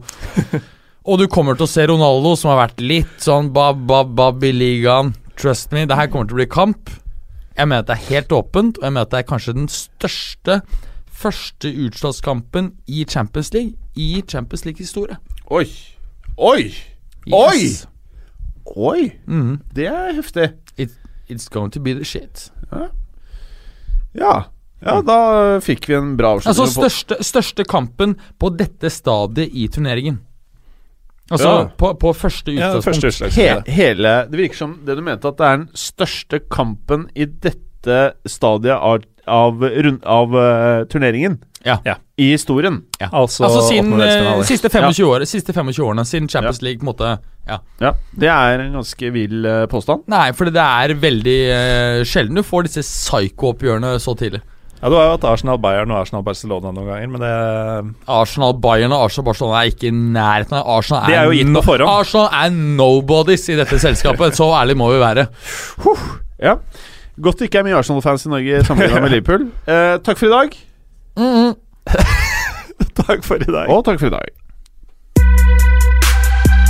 Takk for at du hadde høre på. Vi er Fotballuka på Twitter, Facebook og Instagram. Følg oss gjerne. Men bare få høre. Den tror jeg blir litt fet.